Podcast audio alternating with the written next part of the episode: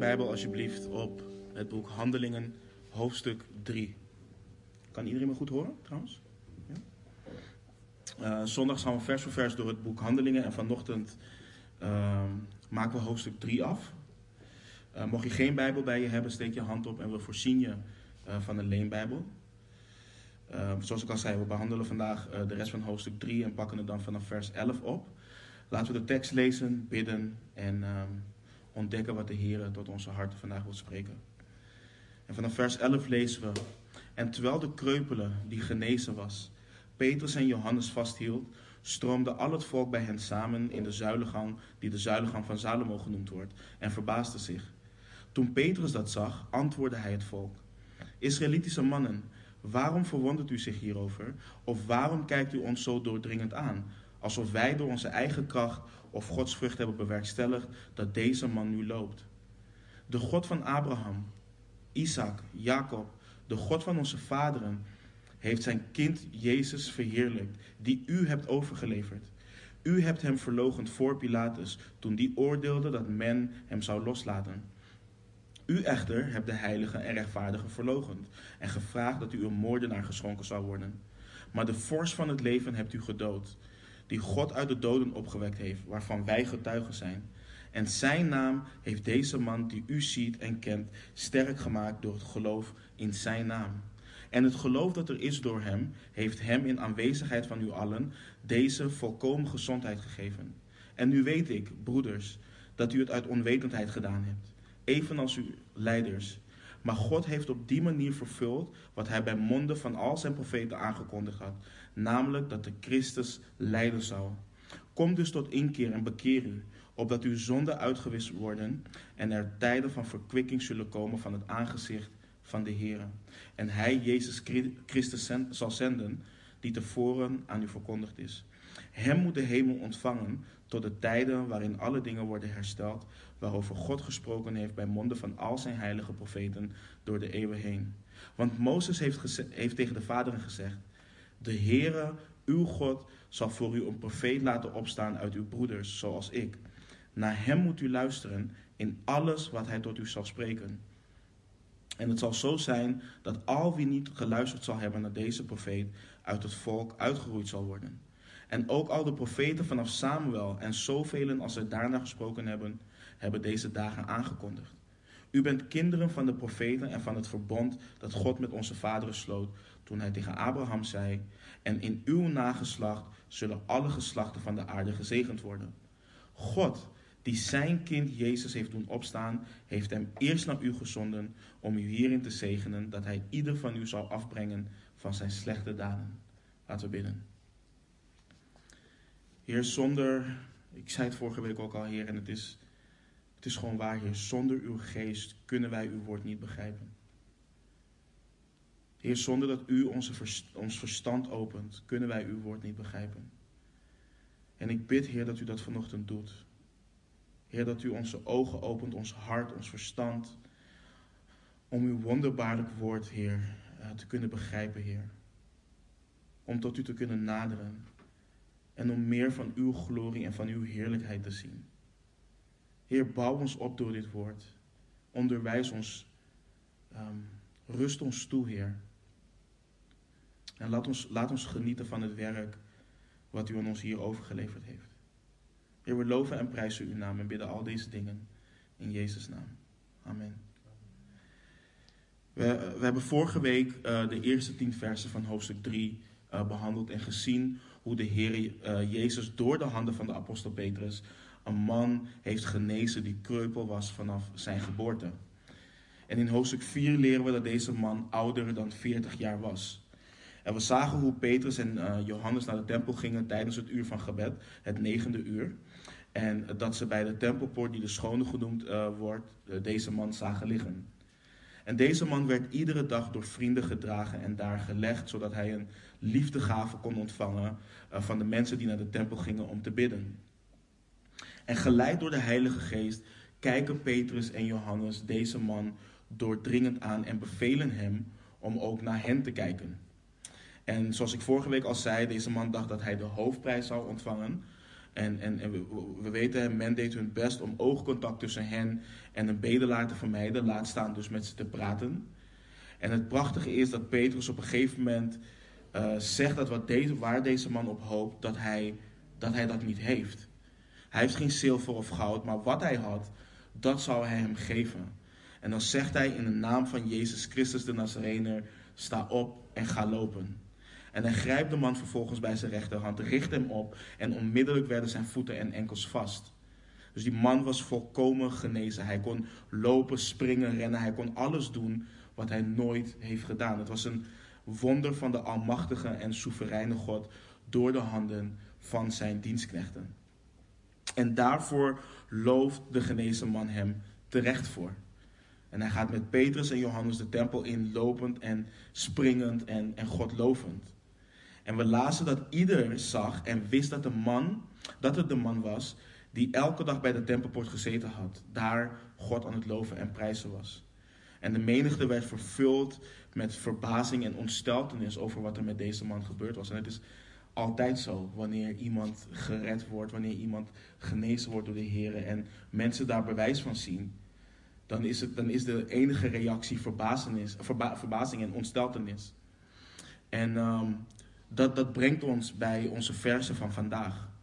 Want dit wonder van God door de handen van zijn dienaren, uh, wat hij heeft gedaan, brengt een menigte bijeen. En het moment presenteert zich om het evangelie van Jezus Christus te verkondigen. Um, en ik ben naar alle toespraken of alle momenten in handelingen gaan kijken waar, waarop de apostelen getuigen van onze Heer Jezus Christus. En ik moet zeggen dat wat, wat we vandaag de dag zien en horen best wel ver verwijderd is van hoe de discipelen werden geleid door de Heilige Geest. Dat ik me echt ben gaan afvragen of we meer op onze eigen emoties en op ons eigen intellect en op de emoties van mensen dat we daarna zijn gaan kijken in plaats van kijken naar het simpele, maar toch confronterende evangelie van Jezus Christus. En de manier waarop Petrus getuigt, en we gaan ook zien wanneer we door handelingen verder gaan, leert ons om terug te gaan naar de basis. Het leert ons om te zien wat het evangelie daadwerkelijk is en hoe de Heilige Geest door mensen um, tot de harten van verlorenen wilt spreken. Want we gaan namelijk zien dat Petrus taal en, en concepten gebruikt die deze Joden konden begrijpen, deze Joodse mensen. En op dezelfde manier kunnen en horen wij dat ook doen met de mensen om ons heen. En ik heb het niet over de waarheid verzachten of de waarheid verdraaien, maar wel communiceren um, op een manier zodat, het, zodat ze voor zover, mogelijk, uh, zover het mogelijk is de waarheid kunnen begrijpen van het evangelie en kunnen leren hoe het ervoor staat met hun ziel. Want het gaat om de zielen van mensen. En we gaan vandaag zien dat Petrus drie waarheden benadrukt die wij ook moeten benadrukken, willen we het evangelie op uh, de juiste manier verkondigen. En nogmaals, kijk, ik ga dit uitleggen vanuit de schrift. Um, wanneer, wat ik er wel bij wil zeggen is, wanneer we het evangelie verkondigen, wanneer God ons daarin plaatst, of in, in zo'n situatie plaatst, dan zijn we afhankelijk van de Heilige Geest. Dat is wel, dat is het eerste, dat is het belangrijkste wat we moeten onthouden. Maar we zien hier hoe de Heilige Geest hen leidt en wat daaruit komt. En dat is iets om echt op te letten. Want Petrus leert ons dat als we het ware evangelie van Christus willen verkondigen, we één, op een bijbelse manier Christus moeten verheerlijken.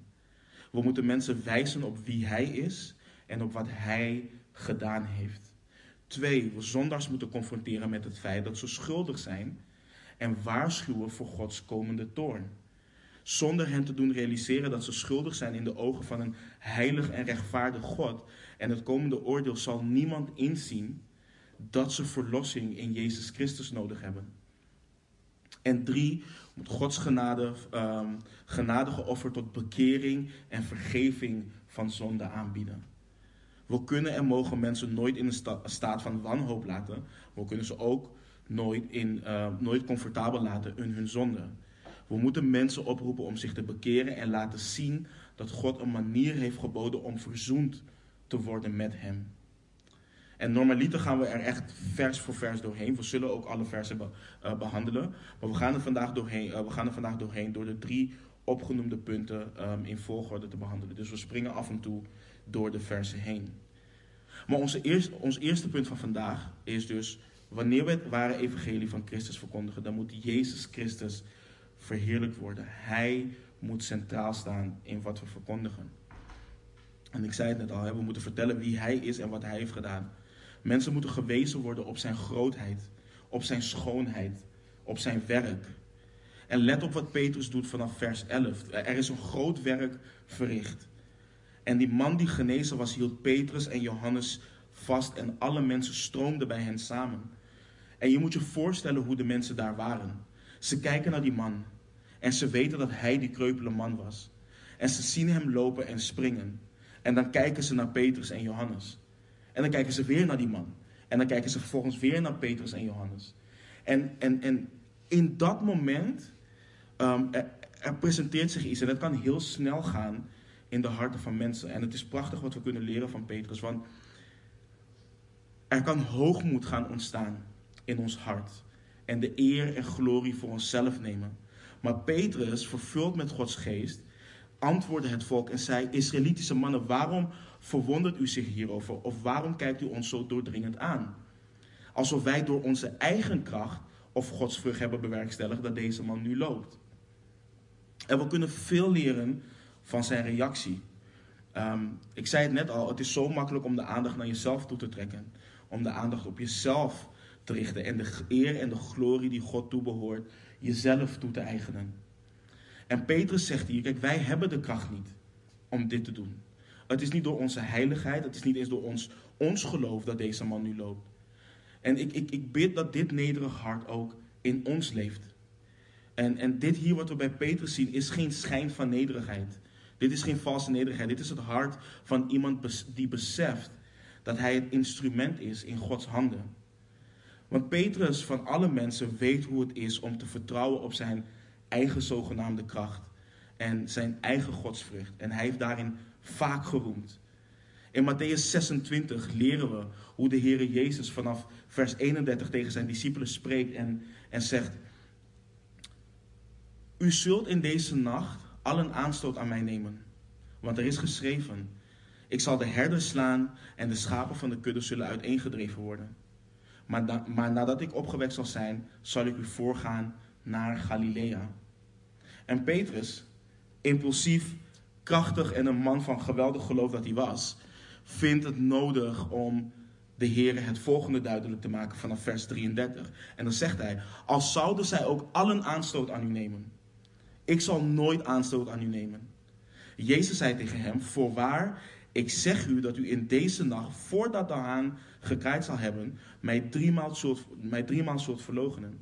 En Petrus zei tegen hem, al moest ik ook met u sterven, ik zal u beslist niet verloochenen. En hetzelfde zeiden ook al de discipelen. Dus Petrus zegt, heren, ook al falen de andere mannen, op mij kunt u rekenen. Ik zal nooit aanstoot aan u nemen. Ik zal u nooit verloochenen. Al, al is het dat ik moet sterven.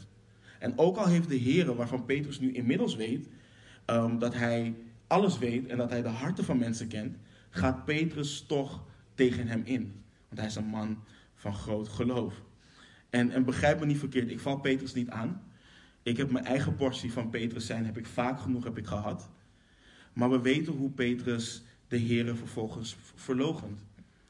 En Petrus weet dat alles wat hij is in de Heer, al het goede wat hij doet in de Heer, dat de eer en glorie niet naar hem kan gaan. Maar dat God alle eer en glorie toebehoort en dat hij alle eer en glorie moet krijgen. En ik denk dat Petrus één ding ook goed wist. En dat moeten wij vandaag de dag ook onthouden. God deelt zijn glorie met niemand. God deelt zijn glorie niet. Wanneer God een machtig werk doet, doet hij dat als eerst voor zijn eigen naam. En we hebben in onze studie, toen we stilstonden bij het breken van het brood, ook daarna gekeken. Ja, God redt ons, omdat hij van ons houdt.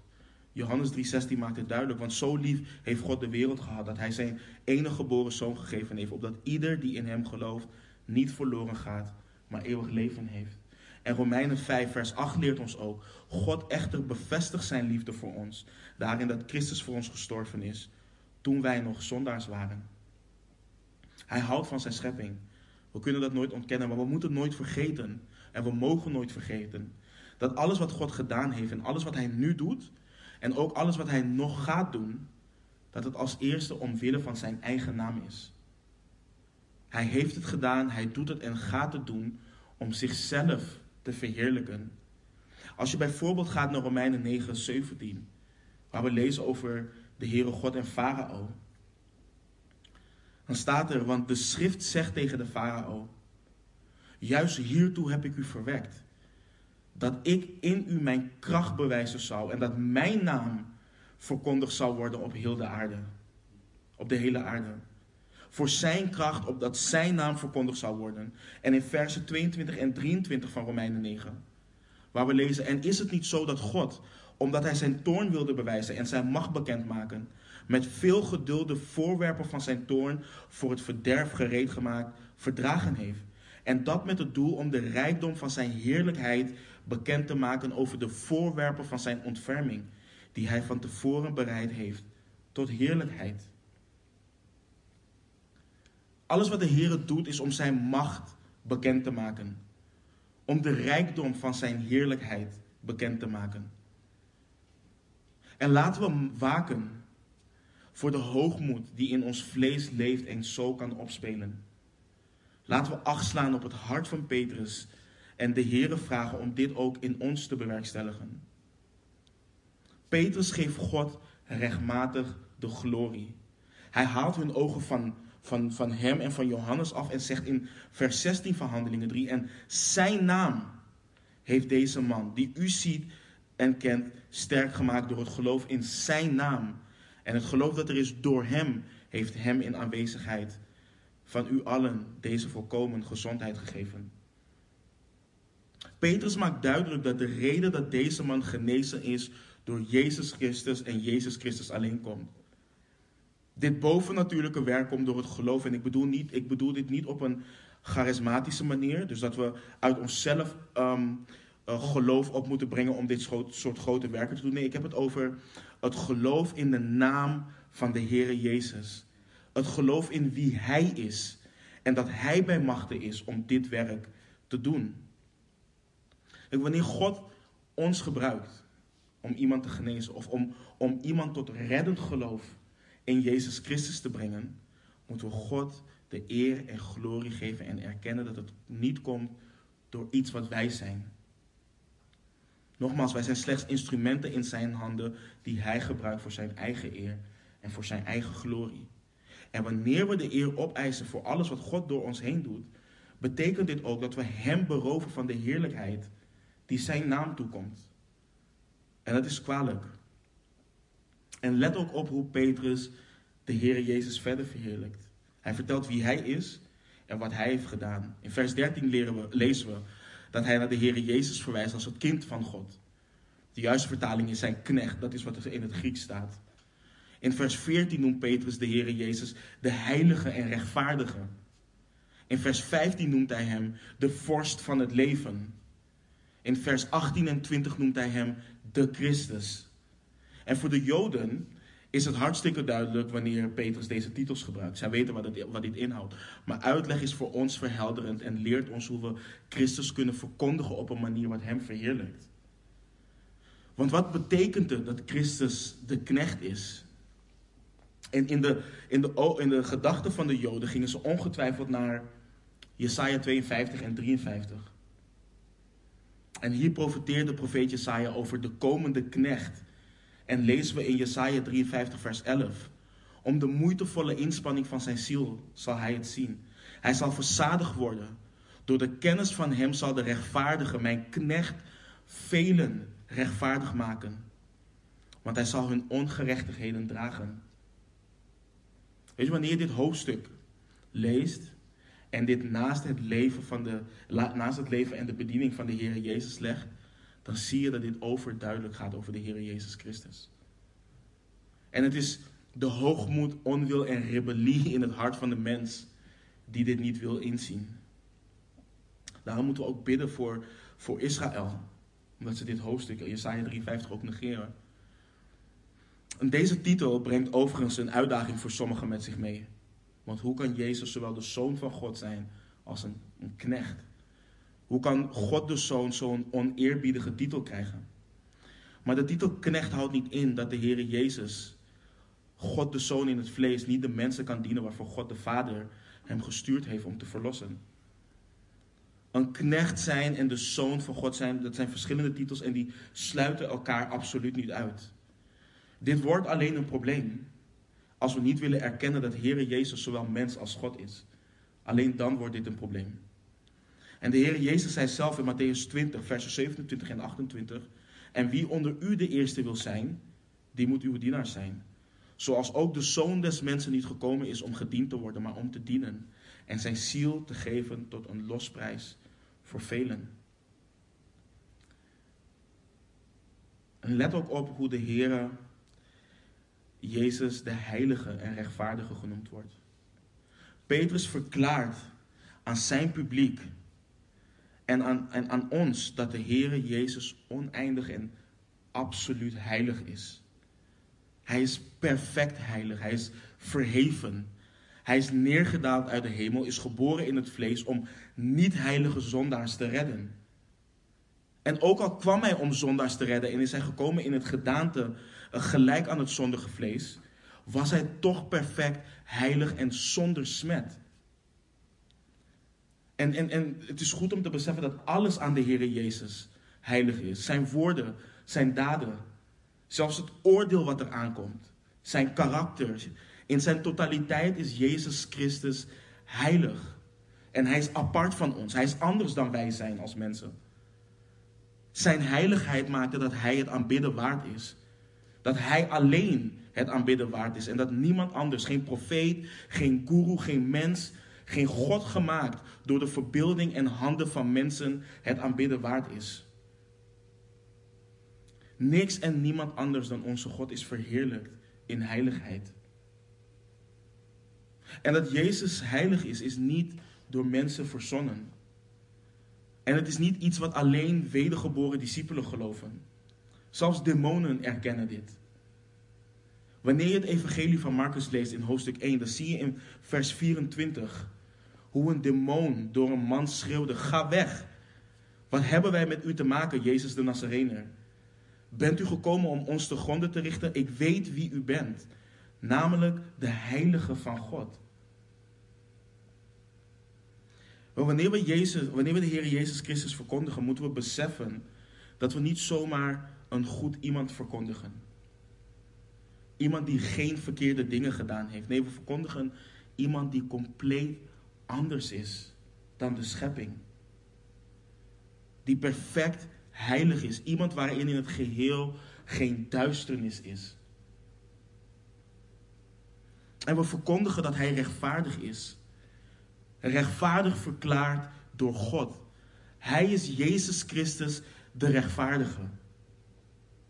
Hij was zonder zonden, smetteloos en onbevlekt. En hij heeft zich niet alleen aan Gods wet gehouden, hij heeft die wet volledig vervuld. Er is niemand die dat kan zeggen. Geen mens, geen profeet, geen engel. Niemand kan dit zeggen. Paulus schreef in Romeinen 3, vers 10, zoals geschreven staat. Er is niemand rechtvaardig, ook niet één. En dit is waarom het feit dat Jezus Christus de rechtvaardige is, niet lichtzinnig genomen moet worden. We doen er goed aan voor onszelf, wanneer we onze Bijbels bestuderen, om deze titels ook te bestuderen. Want dit doet ons inzien dat er niemand is die in de buurt komt van wie Hij is en van hoe Hij is. Hij alleen is rechtvaardig en de Vader bevestigt dat. Hij alleen kan recht voor de Vader staan. Het is ook op basis van het feit dat Hij rechtvaardig is, dat Hij de rechtvaardige is, dat een ieder die gegrepen wordt door, door God een nieuw leven krijgt door zijn en haar geloof in Jezus voor God kan staan zonder verteerd te worden door zijn, door zijn toorn. Het is op basis van zijn rechtvaardigheid. Het is omdat Hij goed is. En ik hoop voor ons dat, dit, kijk, in de basis in theorie weten we dit. Maar als we dit horen en als we dit lezen, geeft dit ons ontzag voor de Heer Jezus Christus. En let op wat, wat, wat Petrus ook zegt. We zien dat hij de vorst van het leven is. En dit woord in het Grieks betekent dat hij heerser, leidsman, auteur of maker van het leven is. Hij schept het leven, niet alleen fysiek, maar ook geestelijk. En de apostel Johannes, we zijn door, door het evangelie heen gegaan, maakt in het begin van zijn evangelie gelijk al duidelijk over de Heer Jezus. In het woord was het leven. En het leven was het licht van de mensen. Johannes 1, vers 4. En de Heer Jezus zei zelf ook, en we kennen dit vers heel goed. In Johannes 14, vers 6. Ik ben de weg, de waarheid en het leven. Niemand komt tot de Vader dan door mij. En doet dit ons ook niet beseffen? Weet je, kijk, toen God zei, laten wij mensen maken. Denk voor geen seconde dat God het tegen de engelen had. Want de tekst leert ons in Genesis dat de mens naar het evenbeeld van God is geschapen. Niet naar het evenbeeld van engelen. En het is God die de mens leven gaf. God maakte de mens tot een levend wezen. En leert ons dit niet. Dat ook al zijn engelen bijzondere wezens, dat de Jehovah-getuigen zich moeten bekeren van hun godslastering door Jezus gelijk te maken aan een engel. Jezus Christus is de vorst van het leven. Hij is de gever van het leven, de auteur van het leven. We kunnen dat niet van engelen zeggen. En we kunnen dat ook niet van mensen zeggen. De schrift zit vol met de goddelijkheid van Christus. En dit is, dit is ook weer zo'n titel wat ons dat leert. En we lezen in versen 18 en 20 dat hij ook de Christus wordt genoemd. En dit laat zien dat de Heere Jezus niet zichzelf als Christus heeft aangesteld. Hij is de Christus van God. De Christus gezonden door God. In het Grieks lezen we in vers 18 dat, dat zijn Christus zou lijden. God heeft de Heere Jezus aangesteld als de gezalfde, als de redder, als de Messias. En we zien dat in het feit dat hij oud-testamentische profeten, uh, profetieën vervuld heeft. En wanneer we deze dingen bestuderen, wanneer we hier naar kijken, dan brengen we de Heer Jezus ook niet als een goed iemand die het slachtoffer was van slechte mensen en dat daar het goede uit is voorgekomen. In het feit dat mensen gered kunnen worden. Nee, we zeggen dat de heilige, dat de rechtvaardige God, die, die de auteur is van het leven, de gezalfde, de gever van het leven, zelf naar aarde is gekomen. Om te sterven voor zondaars die de eeuwige dood verdienen. Hij is gestorven opdat een ieder die in hem gelooft niet verloren gaat, maar eeuwig leven heeft. Hij heeft de drinkbeker gedronken. En ik zei het vorige week al. Wanneer we het daarover hebben, is het belangrijk dat we hier goed naar kijken. Want het gaat er niet primair om dat de Heer Jezus gegezeld werd en hoe erg dat ook is. Het gaat er niet primair om dat die, die, die kroon van doorns op zijn hoofd geplaatst is, hoe pijnlijk dat ook is. Of dat zijn handen en zijn, zijn voeten doorboord zijn met spijkers, hoe afgrijzelijk dat ook is. Het gaat erom dat hij de toorn van God over zich heen heeft gehad, daar aan het kruis. Dat hij de zwaarte van Gods toorn op zich heeft genomen en de zonden van de wereld heeft gedragen. Dat hij in eeuwigheid volmaakte gemeenschap had met de Vader en de Geest. En vervolgens uitroept naar zijn Vader en er doodse stilte volgt. Dat zijn Vader hem verbrijzeld heeft om jou en mijn overtredingen aan het kruis. Broeders en zusters, wanneer we getuigen, moet dit centraal staan. Mensen kunnen het over van alles hebben en kunnen alles zeggen om van alles te ontwijken. Maar wanneer we mensen vertellen over Christus, moeten we hen als het ware hen van aangezicht tot aangezicht brengen met de Zoon van God met de heilige en de rechtvaardige, met de vorst van het leven, met de Christus van God.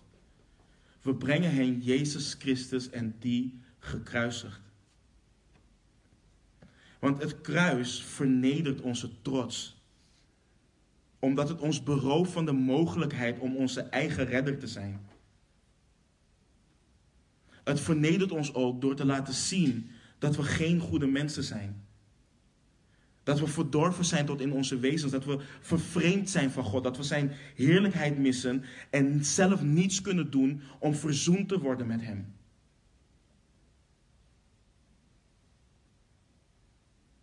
Wanneer we het over Jezus Christus en die gekruisigd hebben, praten we over een Christus die gestorven is.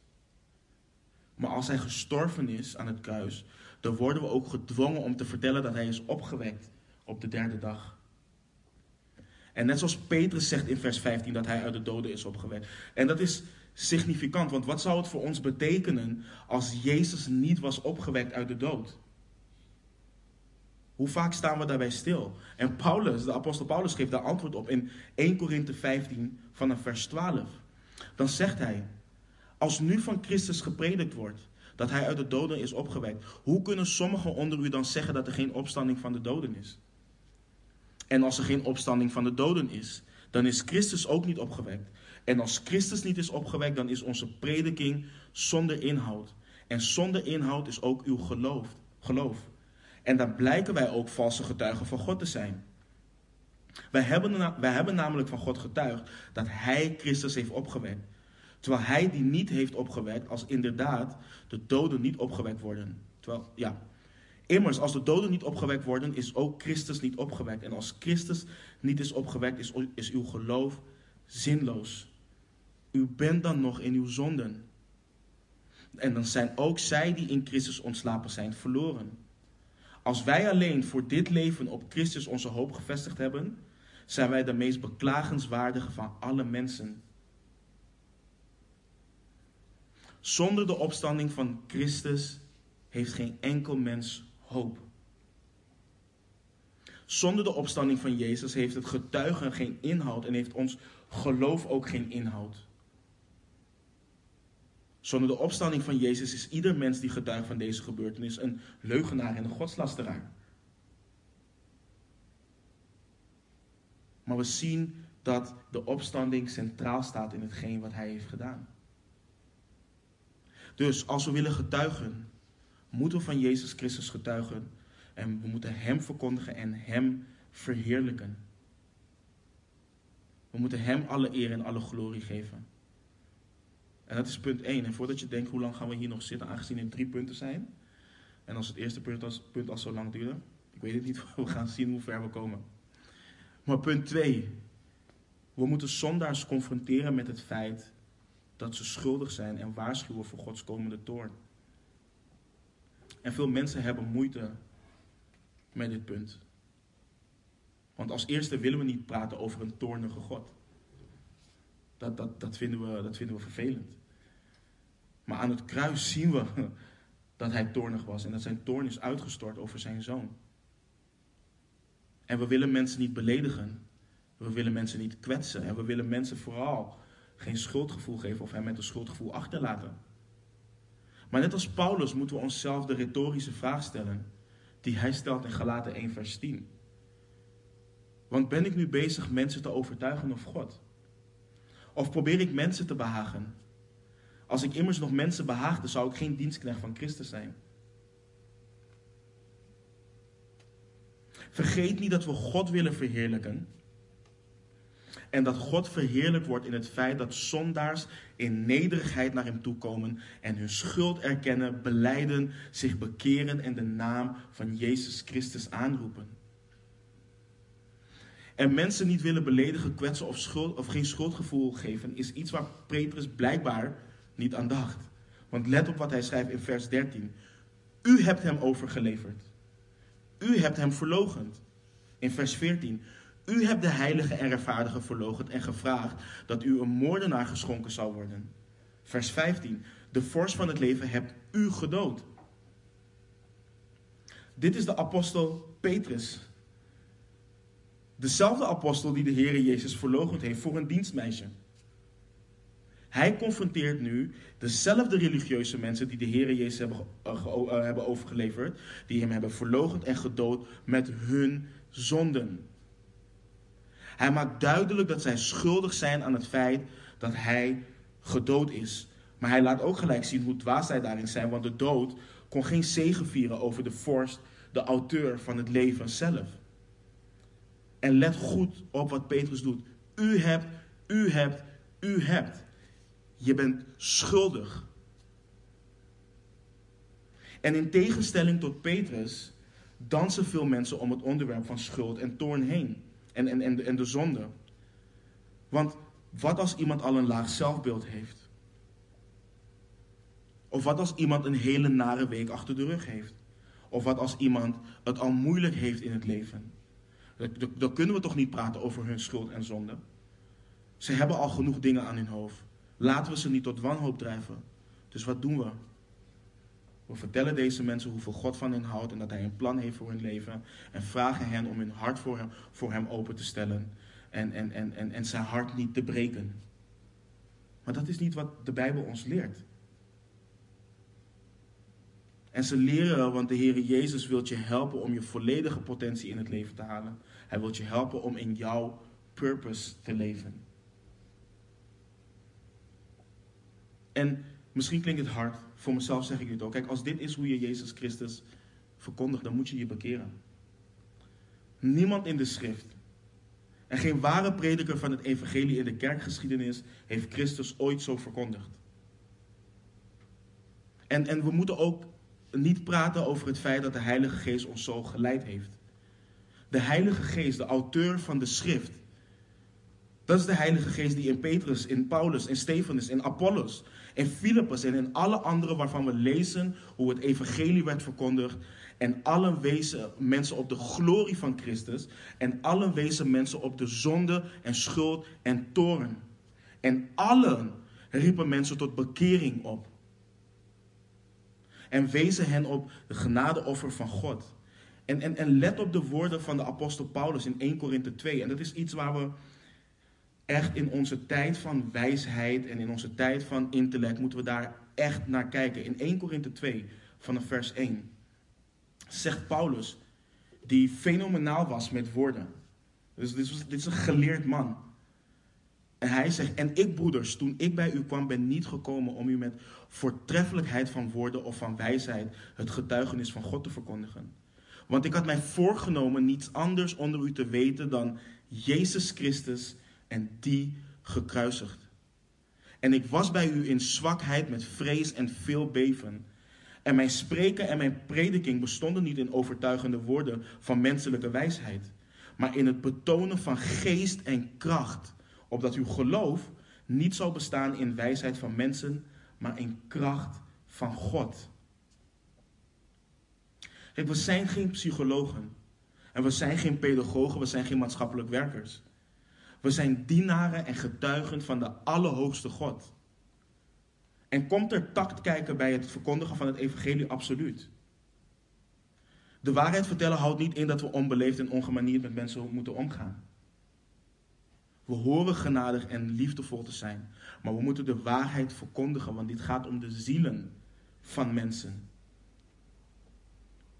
Jezus stierf niet aan het kruis voor redelijk goede mensen om hun een goed gevoel over hunzelf te geven en hen te helpen slagen in het leven. Hij stierf voor hen omdat ze zondaars zijn die onder Gods toorn en oordeel staan. Zonder een verlosser worden ze geconfronteerd met zowel de fysieke dood als de tweede dood, eeuwige scheiding van God in de poel van vuur, de eeuwige hel. En ze zullen veroordeeld worden om dezelfde reden die Petrus geeft aan de Joden in vers 23. Ze hebben niet geluisterd naar deze profeet. Ze zijn niet gehoorzaam geweest aan Jezus Christus. En deze woorden gelden dan specifiek voor de Joden, maar niemand is te verontschuldigen. Ook de heidenen niet, de, de niet-Joden. Want zoals Paulus schrijft in Romeinen 1 vanaf vers 18. Hele belangrijke woorden, want de toorn van God wordt geopenbaard vanuit de hemel over alle goddeloosheid en ongerechtigheid van de mensen die de waarheid in ongerechtigheid onderdrukken omdat wat van God gekend kan worden, hun bekend is. God zelf heeft het hun immers geopenbaard. Want de dingen van Hem, die onzichtbaar zijn, worden sinds de schepping van de wereld uit zijn werken gekend en doorzien, namelijk en zijn eeuwige kracht en zijn goddelijkheid, zodat zij niet te verontschuldigen zijn. Want zij hebben, hoewel zij God kennen, hem niet als God verheerlijkt of gedankt. Maar zij zijn verdwaasd in hun overwegingen en hun onverstandig hart is verduisterd. Nogmaals, niemand is te verontschuldigen. En de Joden hadden de Heer Jezus dan daadwerkelijk gedood. Maar ook wij zijn schuldig aan het feit dat Hij gedood is. Want Hij is gestorven voor de zonde van alle mensen. Allen hebben gezondigd en missen de heerlijkheid van God.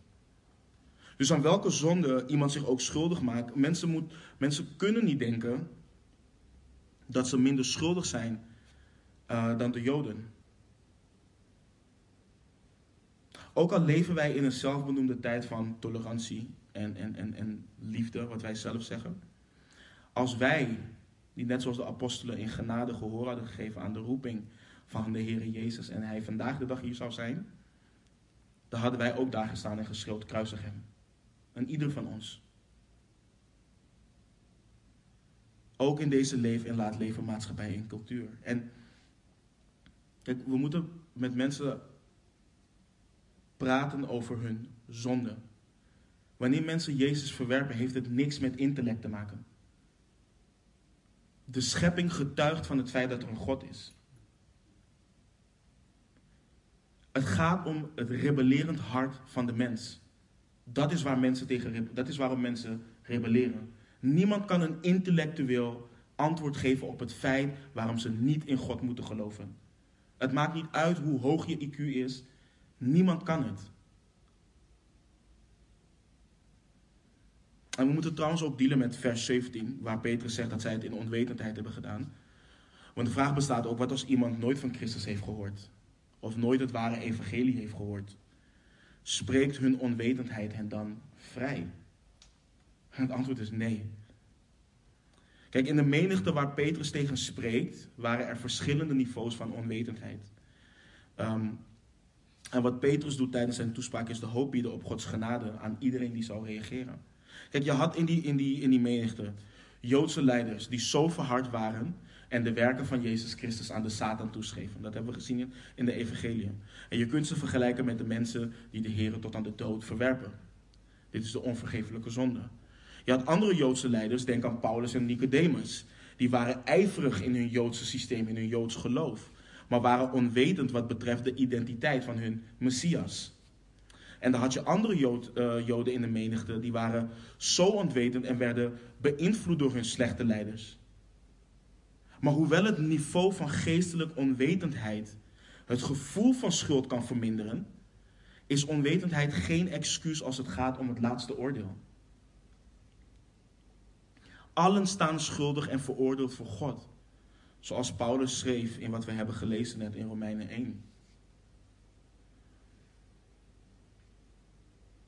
Dus daar waar het eerste punt ons leert dat we het evangelie, het ware evangelie willen verkondigen, dat we Christus moeten verheerlijken en Hem moeten prediken, dus wat Hij heeft gedaan en wie Hij is, leert de toespraak van Petrus en ook de andere toespraken in handelingen ons dat we um, het goede nieuws van Christus als redder niet volledig en juist hebben, hebben gepresenteerd, tenzij we mensen confronteren en wijzen op het slechte nieuws dat ze voor een moordenaar de zonde hebben gekozen in plaats voor de vorst van het leven. Ze hebben Jezus gedood door en voor hun zonde. En als ze zich niet bekeren, zullen ze, zich, zullen ze Gods zekere en afschuwelijke oordeel over hen heen krijgen. Maar God zij dank, er is goed nieuws. En prijs God daar echt voor. Nou, dat brengt ons bij punt 3. We moeten Gods genadige offer tot bekering en vergeving van zonde aanbieden. Kijk, Peter heeft als het ware een dolk door hun hart gedreven. Deze mannen waren ijverig. Het waren mannen die, of mensen die zichzelf heel gelovig vonden. En zo hebben we in onze tijd mensen die zichzelf heel goed vinden. Of heel spiritueel vinden.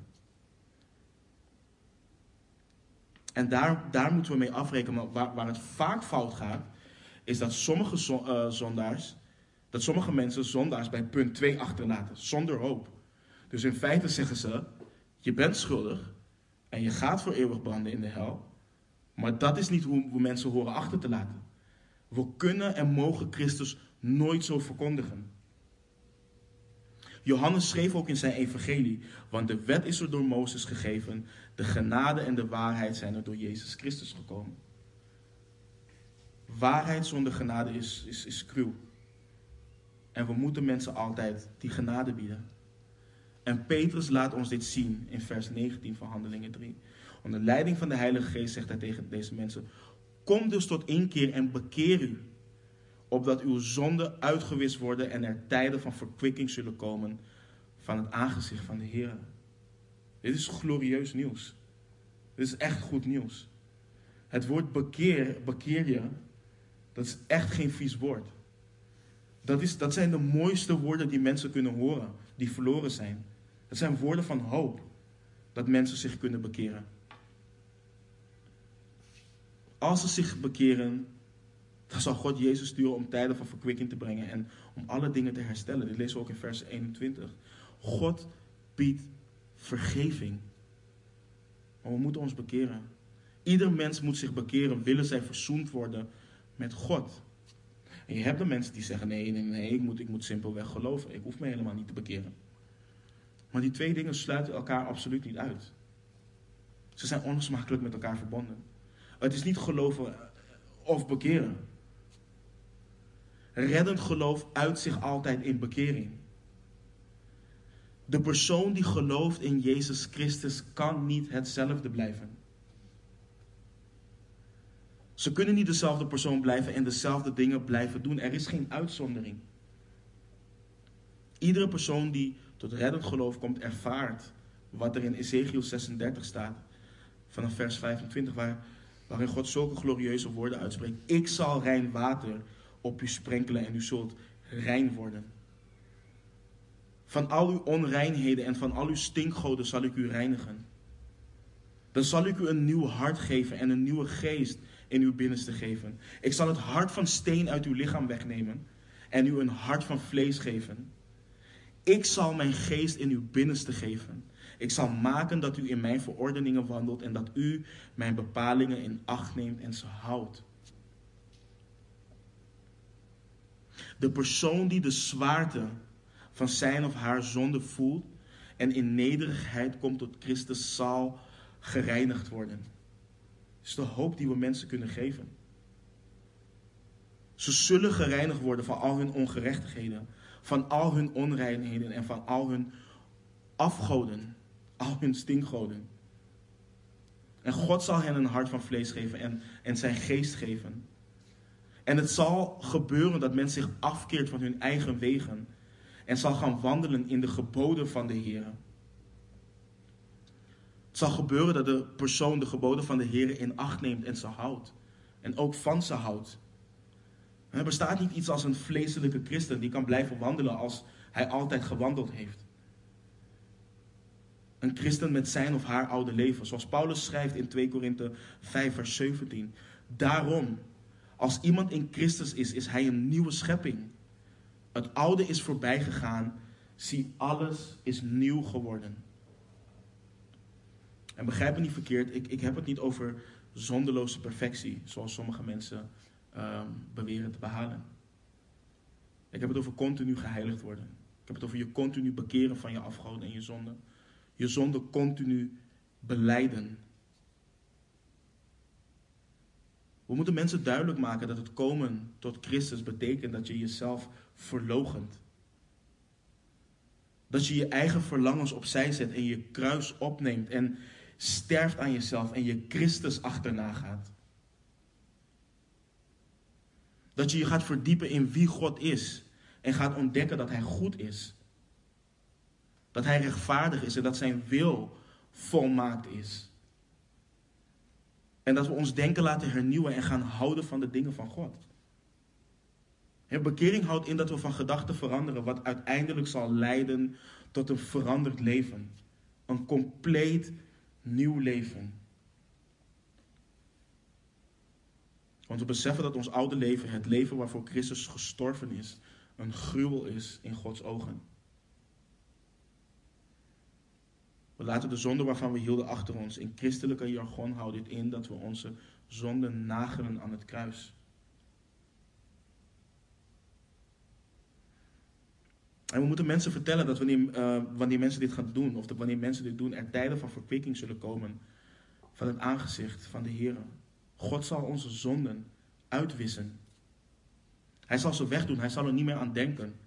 Of wat we ook gedaan hebben in ons leven, wat we hebben gedacht, wat we hebben gezegd. Hij zal alles uitwissen. Hij zal niet meer denken aan onze zonden en ons vergeven.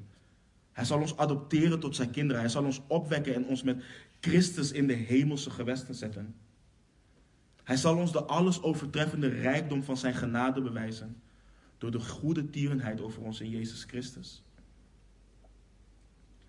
En het is belangrijk om dat te beseffen. Kijk, waar mensen van verlost moeten worden is de zonde. En ook de schuldgevoelens die dat met zich meebrengen. Mensen denken heel vaak dat de problemen die ze in hun leven hebben, hoe erg ze ook zijn, dat dat hun grootste probleem is. En ik hoor dat vaak. Wanneer ik ook het evangelie deel met mensen. Ja, maar mijn problemen gaan niet weg. Ja, maar dat is niet je probleem. Je probleem kan zijn dat je nu naar buiten gaat en je sterft en je nooit, je nooit verzoend bent met God door Jezus Christus. Dat is je probleem. Dus wanneer we de kans krijgen om met iemand over geestelijke zaken te praten, laten we, laten we Christus verheerlijken. Laten we Zijn naam verhogen. Zondaars moeten weten wie Jezus is en wat Hij heeft gedaan. En wees niet bang om aanstoot te geven. Wees niet bang om mensen een schuldgevoel aan te praten. Ook wij als wedergeboren christenen zijn geconfronteerd met onze zonden. Anders waren we niet tot Christus gekomen. Ook wij hebben ons gerealiseerd dat wij dood waren in onze zonden en overtredingen. En we moeten mensen confronteren met een naderend oordeel. Het is een liefdevolle en genadige daad om dat te doen. Als iemands huis in brand staat, dan bel je ook aan.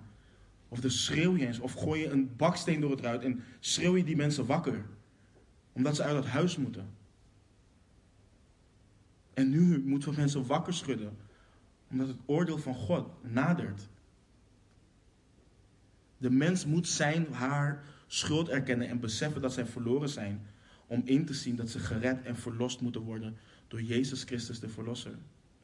Zoals iemand aan het verdrinken is en ze hebben dat niet door, dan zullen ze nooit een reddingsboei aannemen wanneer je dat in het water gooit. Maar wanneer ze doorhebben dat ze, dat ze gaan verdrinken, is dat plastic ding wat ze zullen grijpen, is, is het beste wat ze ooit in hun leven hebben gezien. Ik weet niet er echte van plastic is, maar die, die hele goedkope zijn van plastic. Dus we moeten nooit vergeten om Gods genade en vergeving te schenken aan iedereen die zich zal bekeren. En is het een garantie voor succes? Absoluut niet. Volgende week gaan we in hoofdstuk 4 zien dat er mensen tot geloof komen, maar dat er ook mensen zullen zijn met een verhard hart. Ik heb vaak mensen ook horen zeggen tegen mij: Wie denk jij wel niet dat je bent? Dat je me een zondaar noemt. En je gaat dat gewoon over je heen krijgen. Ik dacht, als je een christen was, jullie zijn toch liefdevol, hoe kan je dan zulke dingen zeggen? Dat zijn dingen die we gaan horen. Maar er gaat een periode komen dat ze geconfronteerd worden met de woorden die er gezegd zijn. En dat ze gaan denken van, dat zijn, dat zijn, de, dat zijn de hoopvolste woorden die ik ooit in mijn leven heb gehoord. En dat is waar we ons op moeten richten. We hebben geen zilver en we hebben geen goud, broeders en zusters. We hebben het evangelie van Jezus Christus. Dwaasheid voor hen die verloren gaan. Voor hen, voor ons die behouden worden, is het de kracht van God. En alleen het ware evangelie van Christus kan mensen zalig maken. En als het ons hartsverlangen is om mensen zalig te zien worden, in en door Christus, Laten we dan lezen en luisteren naar wat de Geest ons overgeleverd heeft door de geschriften. En God gehoorzamen en Hem hierin navolgen. Amen. Laten we bidden. Heer, het is wonderbaarlijk nieuws, Heer, wat U ons gegeven heeft. Het feit dat U Heer, in eeuwigheid gemeenschap had met de Vader, met de Geest. En dat u het niet als roof beschouwd heeft, Heer, om naar aarde te komen. en zonder vlees aan te nemen. Een heilig en perfect en smetteloos leven te leiden. De wet compleet te vervullen en verbrijzeld te worden aan het kruis en toorn van de Vader over u heen te krijgen. Heer, en dat voor zondige mensen. Mensen waarvan u weet dat ze rebelleren en vaak ongehoorzaam zijn. Heer, het is zulk glorieus nieuws dat wij verzoend kunnen worden met u door het werk van uw zoon. En ik dank u voor een ieder die hier, van, die hier vandaag is. En die dat geweldige offer heeft aangenomen. Het dat u ons geloof en bekering geschonken heeft. Dank u wel daarvoor, Heer. En Heer, laat er stromen van levend water in ons.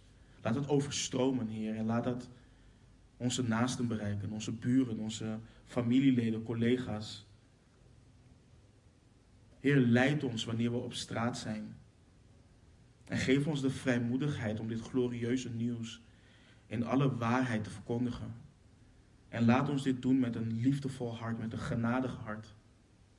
Maar laat de urgentie ook op ons hart zijn. Dat de tijd nadert dat u zal terugkomen. En dat het dan wellicht voor sommigen te laat is. Heer, dank u wel voor uw woord. Dank u wel voor het feit dat we hier, hiervan kunnen leren, Heer. En dat u ons dit gegeven heeft om te doen groeien in de, in de kennis van uw wil. En te doen groeien in onze persoonlijke relatie met u. En ik bid dat we vervuld mogen zijn met uw geest. Om heen te gaan en discipelen te maken.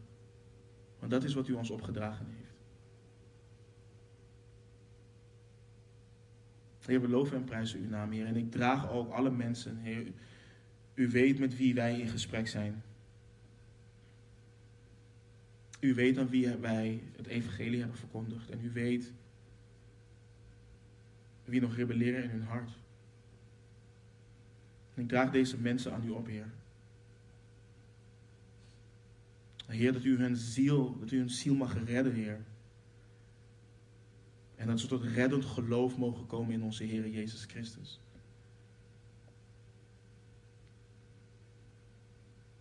We houden van u, Heer, en danken u. In de machtige naam van uw Zoon. In Jezus' naam. Amen.